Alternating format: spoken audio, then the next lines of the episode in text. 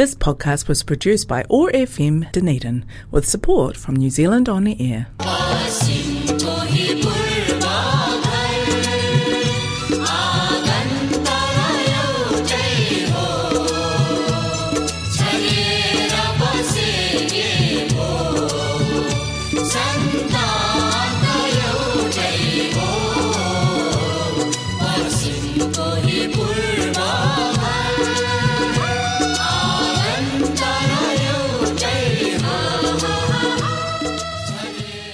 नमस्ते।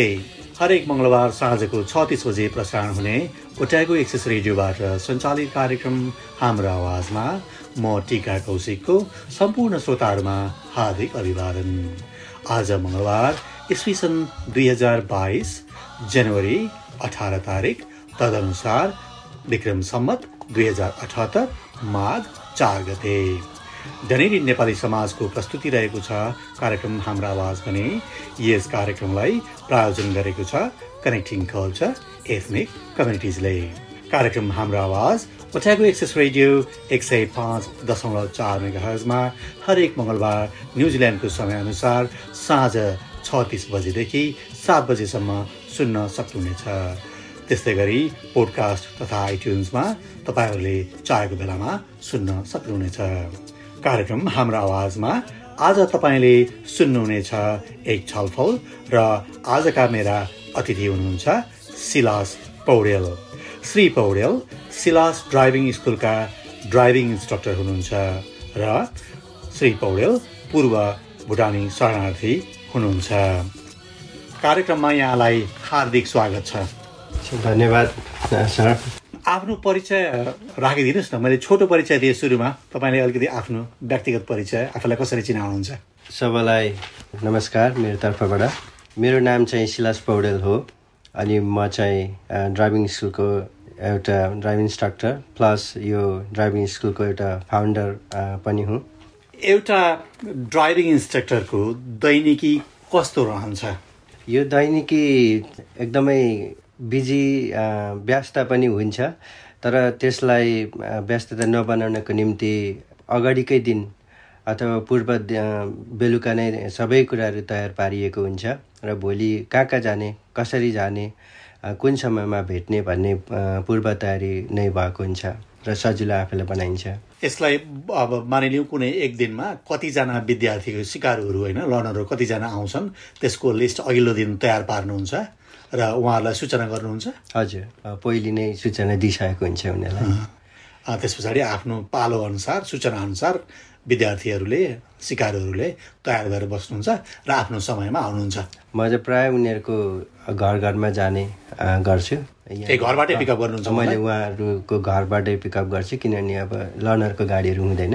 अत्यन्तै राम्रो सुविधा किनभने उहाँहरूलाई यहाँ तपाईँको ड्राइभिङ स्कुलसम्म आउनलाई पनि त चुनौती हुने रहेछ होइन? यहाँलाई त्यो फाल्टु सुविधा पुर्याउनु भएको छ। ड्राइभिङ स्कुल सञ्चालन गर्ने सोच यहाँलाई कसरी आयो?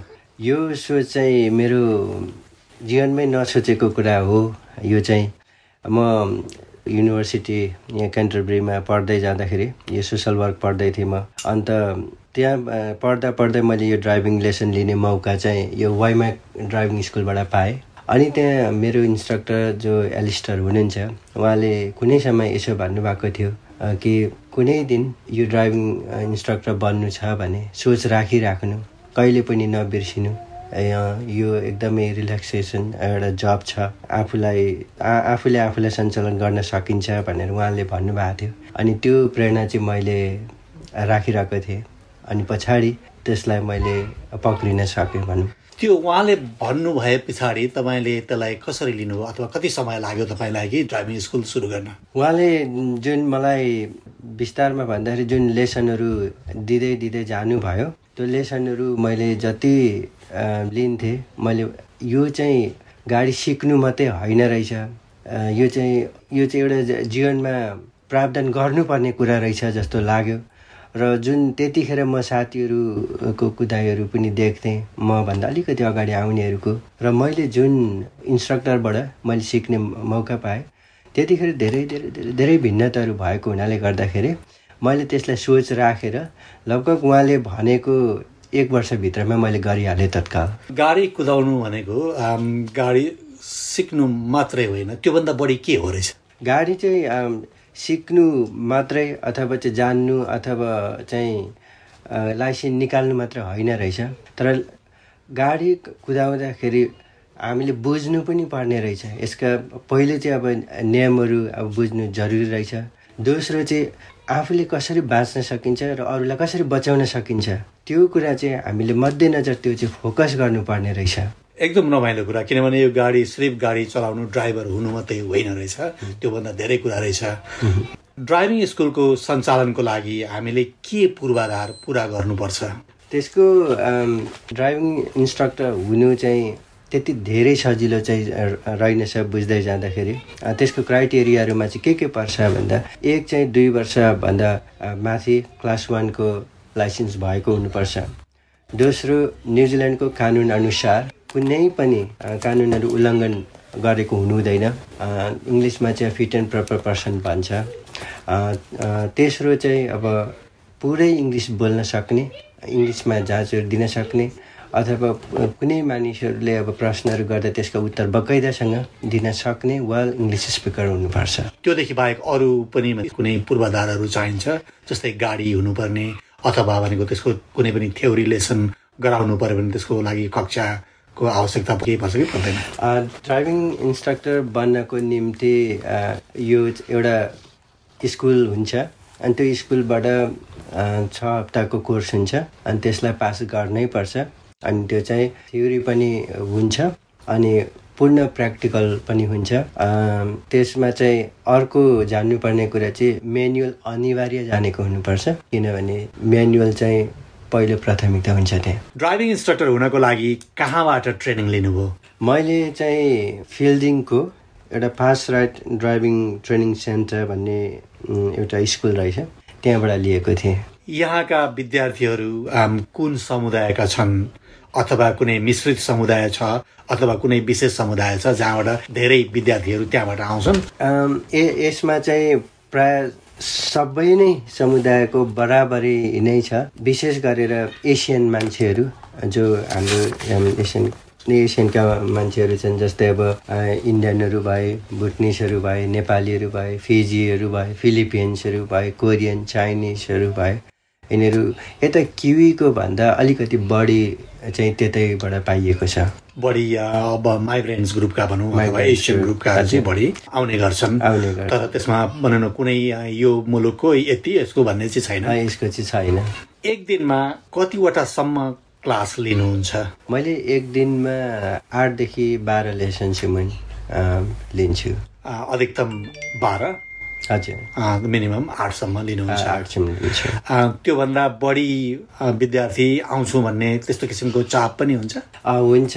प्रत्येक दिन प्रत्येक दिनै हुन्छ।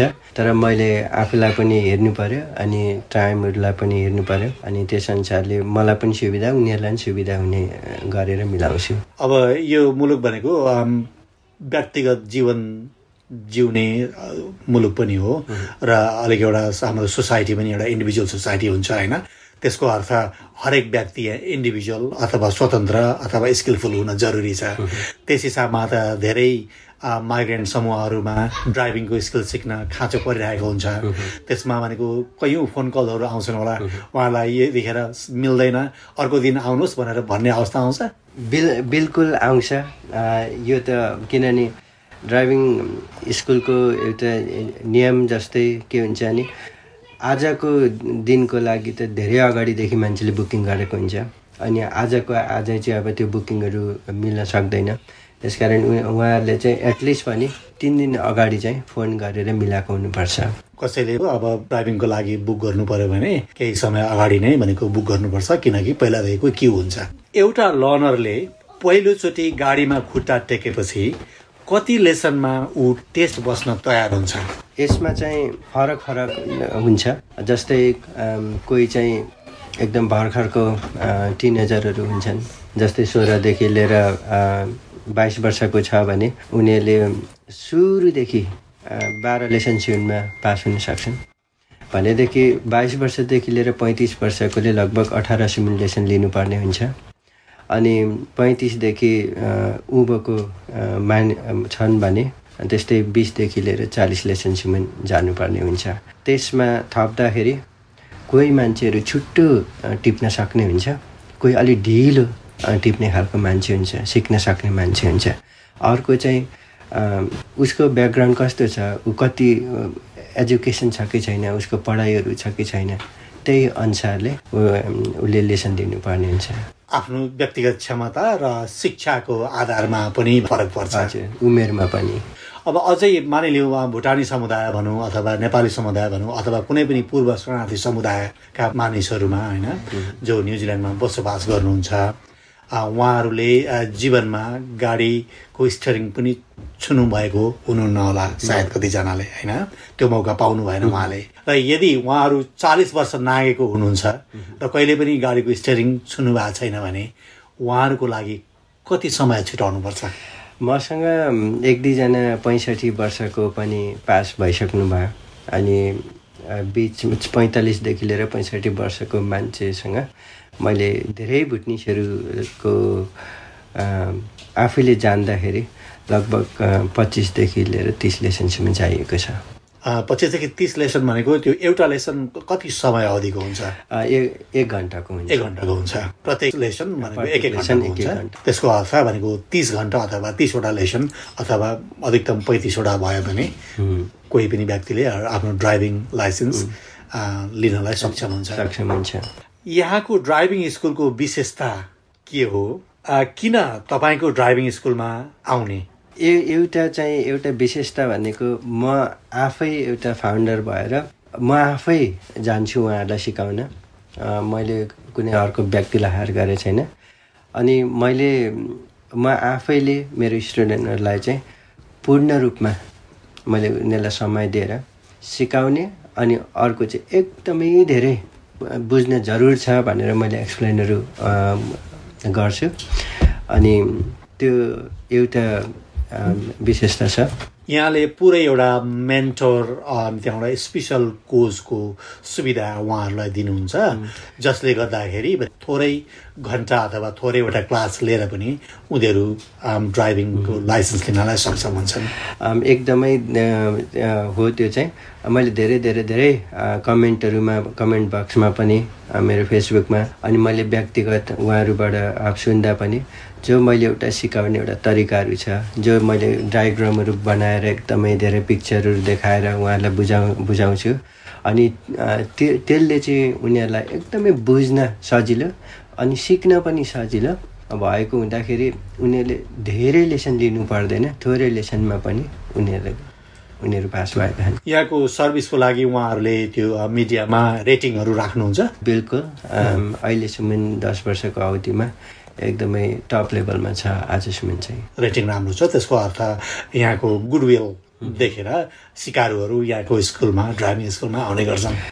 प्राय फोन कलहरूमा मैले सोद्धाखेरि अथवा व्यक्तिगतमा भेट्दा कसरी मेरो नम्बर पायो त कहाँबाट पाइस् त भनेर मैले कसैलाई सोद्धाखेरि उहाँहरूले चाहिँ त्यो मेरो फेसबुकको रेटिङहरू अनि रिभ्यूहरू पढेर मलाई चाहिँ एकदमै इन्ट्रेस्ट भयो भन्ने हुन्छ।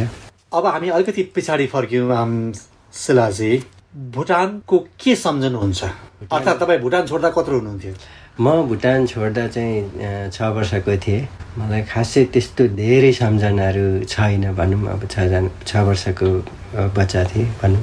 त्यस्तो धेरै थाहा छैन। भुटानको बारेमा त्यति थाहा छैन। त्यति थाहा छैन। तर परिवारहरूमा भनेको भुटानको कुराहरू गर्नुहुन्छ होला बाबा आमाले गर्नुहुन्थ्यो होला होइन?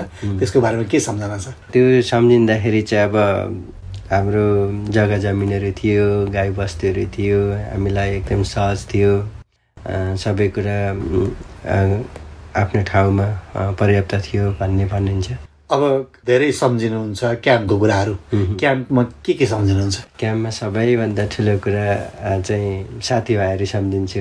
जो हाम्रो स्वतन्त्रता थियो हामी बोल्नलाई खेल्नलाई जानलाई एउटा भयो एउटा हामीले जुन पढ्ने मौकाहरू पाएका थियौँ। अनि त्यो त्यो पढाइले गर्दा नै आज हामी म चाहिँ यो स्थानमा आउन सफल भएँ। अब त्यहाँ हामी पढेको त्यो शिविरमै बसेर पनि पढ्ने मौकाहरू थिएन भने चाहिँ आज हामीले यो अवस्थामा आइपुग्ने मौकाहरू मिल्दैन थियो। क्याम्पमा रहँदाखेरि यहाँले कुन लेभलको पढाइ पुरा गरिसक्नु भएको थियो? मैले बिए लेभलको पढाइ बिए लेभल गरिसक्नु भएको थियो। त्यसले यहाँ आएर भनेको बाटो देखाउन सजिलो पार्यो?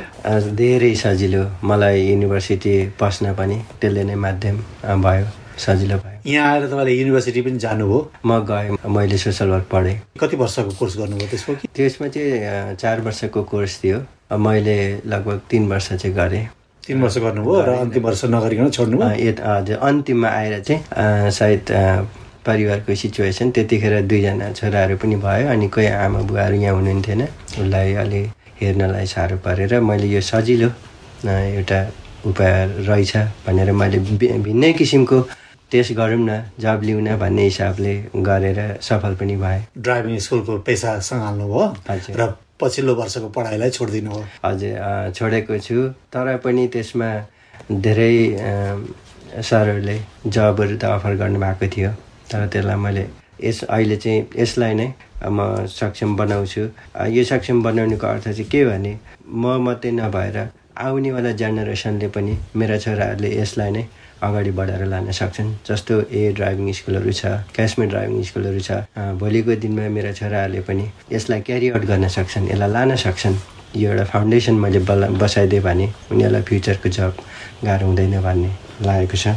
एकदमै राम्रो काम गर्नुभएको छ यहाँले एउटा शरणार्थी क्याम्पबाट आएर अनि सेटलमेन्टका स्ट्रगलहरूलाई होइन चुनौतीहरूलाई पार गर्दै एउटा छुट्टै पहिचान बनाउनु भएको छ एउटा छुट्टै पेसाको पहिचान बनाउनु भएको छ अनि समाजमा सेवा पुर्याउनु भएको छ होइन आफ्नो व्यवसाय सँगसँगै सेवा पुर्याउनु भएको छ। कतिको खुसी लाग्छ? मलाई त एकदमै खुसी छु। यो अब नसोचेको कुरा हो मेरो लागि। कि हामीले मैले जानेदेखि मैले पढ्दै पढ्दै आएर बुवाले पनि धेरै पढ्नुपर्छ भन्नुहुन्थ्यो। त पढेर कहाँ पुगिन्छ थाहा थिएन। तर लाइफमा अब यसरी टर्निङ पोइन्ट आयो। जहाँनिर मैले सोच्दै नसोचेको कल्पनै नगरेको कुराहरू मैले फरक ढङ्गले यो पनि एउटा एजुकेसन रहेछ। यो पनि एउटा ज्ञान रह यो ज्ञान नहुँदाखेरि धेरै दुर्घटनाहरू भएको छ। हाम्रै देशमा पनि यहीँ पनि। अनि यसमा पनि एउटा टिचर टिचर हुन सकिन्छ। अथवा चाहिँ यसलाई पनि हामीले जीवनको पेसा लिन सकिँदो रहेछ भनेर थालेपछि यो सक्षम भएको हिसाबले एकदम खुसी छु। परिवार पनि खुसी छ। स्वतन्त्रता छ। आफ्नो समयहरू आफूले मिलाउन सकिन्छ। पूर्व भुटानी शरणार्थीको जीवन र एउटा सफल व्यावसायिक किवीको जीवनमा के फरक हुँदो रहेछ? अब पूर्व जीवनमा अलिकति दुखाइ थियो अभाव थियो अब खाँचो थियो। सपना पुरा हुन्छ कि हुँदैन भन्ने थियो। भने अब यहाँनिर आएर एउटा सौभाग्य मिल्यो। आफूले गर्न चाहेको कुरालाई गर्दाखेरि अब त्यसको रिजल्टहरू भन्यो रिवा रिजल्ट अब रिवार्डहरू हामीले पाइन सकिने। जस्तै अब नेपालमा चाहिँ हामीले जति नै धेरै पढे पनि त्यति धेरै मान्यताहरू छैन। अथवा चाहिँ कामै पाइहाले तापनि त्यो कमाएको पैसाले पर्याप्त पुग्दैन। तर यहाँ किवी जीवनमा चाहिँ के छ भने थोरै कमाउँदा पनि पर्याप्त पुग्ने आफूलाई खाँचोको महसुसहरू नहुने छ। यदि ड्राइभिङ इन्स्ट्रक्टर नहुनु भएको भए के हुनुहुन्थ्यो? म ड्राइभिङ इन्स्ट्रक्टर नभएको भए म साइकोलोजी लेक्चरर हुन्थेँ। साइकोलोजीमा एकदमै इन्ट्रेस्ट छ। एकदमै धेरै। आज पनि म ती किताबहरू म र मेरो छोराहरू हामी पढ्छौँ। ए नानीहरूसँग पनि साइकोलोजीको बारेमा कुरा गर्नुहुन्छ? हजुर एकदमै धेरै म त्यसको विषयमा माइन्ड रिडरको विषयमा कसरी चल्ने न्युजिल्यान्डको अहिले वातावरण के छ कहाँ हेडिङ गरिरहेको छ अनि अहिलेको चाहिने वातावरण के छ भनेर हामी त्यसमा छलफल गर्छौँ। तपाईँले त्यसको खास कुरा पत्ता लगाउनु भएको छ किनभने एउटा इन्स्ट्रक्टर हुनका लागि तपाईँका लर्नरका माइन्ड पनि त रिड गर्नु पऱ्यो नि होइन? एकदमै धेरै रिड गर्नुपर्छ अनि कोही कोही बेला उनीहरू अलि छक्कै पनि पर्छन् किनभने उनीहरूले नभनेको कुरा मैले उनीहरूको मनमा भएको कुराहरू मैले भनिदिँदाखेरि कसरी थाहा पाउनु भयो कसरी जान्नु भयो मैले यस्तो सोचिरहेको थिएँ म यो यसरी टर्निङ गर्न आँटेको थिएँ अथवा चाहिँ यस्तो हुन लागेको थियो। कसरी थाहा पाउनु भयो भन्दाखेरि अनि मैले भन्छु थोरै हामीले माइन्ड रिड गर्न सकिन्छ भन्छु मैले। तपाईँले नानीहरूसँग साइकोलोजीको बारेमा गफ गरिरहँदा नानीहरूको प्रतिक्रिया के आउँछ? उनीहरूसँग गफ गर्दाखेरि बाबा म हामी चाहिँ कहिले यस्तो हुनु? कसरी जान्नुहुन्छ हजुरले? अथवा चाहिँ तपाईँ यहाँ हाम्रो माइन्डमा बस्नु भएको छैन कसरी जान्नुहुन्छ? हामीलाई सिकाइदिनुहोस् न। किनभने मेरो जेठो छोरो पुलिसहरू हुने हुन्छ भन्छ उसले। कोही बेला चाहिँ आर्मी हुन्छ भन्छ तर आर्मीमा यो ट्यालेन्ट यो खुबी हुनुपर्छ भन्छ। अनि उसले सि सिकाइ पनि माग्छ अनि म बेला बेला सिकाइ पनि दिन्छु। म यहाँलाई अब अलिकति जेनरल क्वेसन पनि सोध्छु। भुटानीहरूको सेटलमेन्ट भएको छ न्युजिल्यान्डमा होइन? करिब बाह्र सयको हाराहारीमा होला तथ्याङ्कमा हामीले हेर्ने भने होइन? भुटानी समुदायको सानो सेटलमेन्ट छ। अरू विभिन्न देशका मानिसहरूको पनि सेटलमेन्ट छ। भुटानी समुदायको सेटलमेन्टलाई तपाईँको आफ्नो दृष्टिकोणबाट कस्तो देख्नुहुन्छ? हाम्रो भुटनिसहरूको अब सेटलमेन्टको मेरो तर्फको अब दृष्टिबाट हेर्दाखेरि एकदम ठिक छ एकदम असल ठाउँमै आइएको छ। अब मैले एउटा कुरा चाहिँ उहाँहरूलाई मैले जानकारी दिनुपर्दा अथवा थाहा दिनुपर्दा चाहिँ जस्तो यो यो देशमा एउटा लेबर मात्रै काम नगरेर कुनै अफिसका कामहरू पनि कोही बेला एभाइलेबल हुन्छन्। जस्तो म एउटा ड्राइभिङ स्कुलको एउटा इन्स्ट्रक्टर हुने एउटा मैले मौका पाएँ र त्यस ला लाइनमा लागेँ। भने अब न्युजिल्यान्डभरि बस्ने ठाउँहरूमा भिन्न भिन्न ठाउँमा ड्राइभिङ टेस्टिङ अफिसरको यति धेरै खाँचो हुन्छ। अनि उनीहरूले धेरै एसियनहरू चाहेको हुन्छ। तर अब हामी वेल एजुकेसन अथवा वेल एजुकेटेड मान्छे हुँदा हुँदै पनि त्यो त्यस्तो अफिसका मान्छे अफिसको कामहरू खोजिरहेको हुँदैनौँ। अनि उहाँलाई सन्देश के जाओस् भने त्यस्तो खालको अब ड्रा- ड्राइभिङको विषयमा अथवा कुनै पनि जानकारीहरू चाहिएमा मलाई सम्पर्क गर्दा हुन्छ। यहाँले अरूलाई पनि यदि कोही ड्राइभिङ इन्स्ट्रक्टर हुन चाहनुहुन्छ भने त्यसको लागि सहयोग सहयोग गर्न तयार म हुनुहुन्छ एकदम सहयोग गर्न पनि चाहन्छु। अनि अर्को मैले यसलाई थप्नु पर्दाखेरि जस्तो म अहिले चाहिँ क्राइसिसमा छु भने बेला बेला मैले फेसबुकमा अल ओभर न्युजिल्यान्डमा एडभर्टाइजमेन्ट छ मेरो। अनि कोही बेला वालिङटनबाट आउँछ। सर अब वालिङटनमा हजुरले किन ड्राइभिङ स्कुल खोल्नुहुन्न? अथवा ओकल्यान्डबाट आउँछ हजुरको यहाँनिर ड्राइभिङ स्कुल छ छैन? अब पाम्स्टनबाट आउँछ। यहाँनिर छ छैन। यदि भइदिएको भए ब्रान्च खोलिदिएको भए हामी सबैलाई सजिलो हुन्थ्यो भन्ने हिसाबमा मैले कुनै समय चाहिँ तत्काल एक्सटेन्डहरू गर्न अथवा वहाँनिर चाहिँ एउटा फ्रेन्चाइजहरूमा गर्न हाम्रै नेपालीहरूलाई दिनु पाए उनीहरूको पेसा खुल्थ्यो लाइफ टर्निङहरू हुन्थ्यो भन्ने मेरो सोच छ। ए एउटा अर्को सहरमा एउटा ब्रान्च तपाईँको स्कुलको एउटा ब्रान्च अथवा फ्रेन्चाइज बराबरको एउटा खोल्न पायो भने अथवा कुनै नेपाली भाषा बोल्नेले सञ्चालन गरेको देख्न चाहनुहुन्छ। म बिल्कुल चाहन्छु। अनि त्यो प्रयास पनि गर्दैछु तर अब यो अघि सुरुमा भनेअनुसार कतिवटा क्राइटेरियामा मान्छेले अब मिट हुँदैन। अब जस्तै एउटा राम्रो ड्राइभर छ तर यता कानुनी रूपमा अलिकति उसको चाहिँ पहिले नै लाइसेन्समा दागो लाग्छ खराब रेकर्डहरू छ, त्यो दुइटै पनि हुन्छ फेरि ऊ इङ्ग्लिस स्पिकर अब राम्रो छैन भने ऊ त्यो कोर्समा पासै हुन सक्दैन। त्यस्तो कुनै क्राइटेरिया छ ड्राइभिङ इन्स्ट्रक्टर हुनका लागि? कुनै उमेरको चाहिँ हद छ कि छैन उमेर उमेरको एउटा कुनै पनि हद छैन। मात्र पहिले चाहिँ अब दुई वर्ष चाहिँ कम्तीमा दुई वर्ष फुल लाइसेन्स हुनुपर्छ। र राम्ररी अङ्ग्रेजी बोल्न सक्नुभयो भने हुन्छ। हजुर। किन अनि त्यसमा चाहिँ अब कोर्समा जाँदाखेरि टेस्टिङ अफिसर हुन्छ चेक गर्ने। ड्राइभिङ इन्स्ट्रक्टर हुन्छ पुलिस अफिसर हुन्छ एनजेटिए अफिसर हुन्छ। अनि उनी उनीहरूको आफ्नो आफ्नो फाइल लिएर अन्तिम टेस्टमा बसेको हुन्छ। त्यतिखेर चाहिँ उनीहरूको दृष्टिमा यो चाहिँ वेल न्युजिल्यान्ड क्वालिफाइड इन्स्ट्रक्टर हुन सक्षम छ। उसले राम्रो एक्सप्लेन गर्न सक्छ। उसले त्यो दृष्टि उसले चाहिँ न्युजिल्यान्डको रोडमा कुदाउनको निम्ति अरू मान्छेलाई पनि एउटा राम्रो ड्राइभर निकाल्न सक्छ भनेर मात्रै उनीहरूले दिन सक्ने भएको अ, हुन्छ। हामी लगभग कार्यक्रमको अन्त्यतिर छौँ। जाँदा जाँदै कार्यक्रम हाम्रो आवाजका श्रोताहरूलाई के भन्न चाहनुहुन्छ? जानुभन्दा अगाडि अब सुनिदिनु भएको लागि धेरै धेरै धन्यवाद। अन्त मैले एउटा कुरा थप्नु पर्दाखेरि कुनै पनि ड्राइभिङमा जानु पर्दा अथवा सिक्नु पर्दाखेरि एकदम प्रोफेसनल मान्छेबाट सिकेको म चाहन्छु। किनभने हामीले सिक्दाखेरि कति हदसम्म सिकिन्छ भनेदेखि हामीले जीवनमा आफूले बाँच्न र अरूलाई पनि बाँच्न सक्ने सक्षम बनाउनुहुन्छ। यसकारण सकेसम्म चाहिँ ड्राइभिङ स्कुलबाट गरेको राम्रो हुन्छ। ए जबरजस्ती सिक्नुभन्दा एउटा अब प्रोफेसनल इन्स्ट्रक्टरबाट सिक्यो भने हामीले सही तरिकाले सिक्न सकिन्छ भन्ने यहाँको भनाइ हो। हजुर। श्रोताहरू कार्यक्रमको निर्धारित समय सकिन लागेको छ। तपाईँहरूले आफूले चाहेको बेलामा कार्यक्रम हाम्रो आवाज सुन्न सक्नुहुनेछ। यदि तपाईँ आइओएस चलाउनुहुन्छ भने सिधै आइट्युन्सबाट र एन्ड्रोइड चलाउनुहुन्छ भने तपाईँले पोडकास्ट एपबाट हाम्रो आवाज टाइप गरेर सर्च गर्नुभयो भने हाम्रो आवाज ओट्यागो एक्सेस रेडियो स्वतः देखिन्छ। त्यसमा क्लिक गरेर आफ्नो अनुकूल समयमा सुन्न सक्नुहुनेछ। पोडकास्ट एपबाट यहाँहरूले सब्सक्राइब पनि गर्न सक्नुहुनेछ। डनिड नेपाली सोसाइटीको फेसबुक पेजबाट पनि कार्यक्रम हाम्रो आवाज सुन्न सक्नुहुनेछ। जाँदा जाँदै हाम्रो आवाजका प्रायोजक कनेक्टिङ कल्चर र यो आवाज तरङ्गित गराउने ओट्याको एक्सेस रेडियोलाई धेरै धेरै धन्यवाद। त्यस्तै गरी आजका मेरा अतिथि श्री सिलास पौडेललाई पनि मुरी मुरी धन्यवाद भन्दै आउँदो मङ्गलबार साँझ छ तिस बजे फेरि भेट्ने बाचाका साथ प्राविधिक मित्र जेफ र म टिका कौशिक ओजेलो हुन चाहन्छु। नमस्ते शुभरात्रि।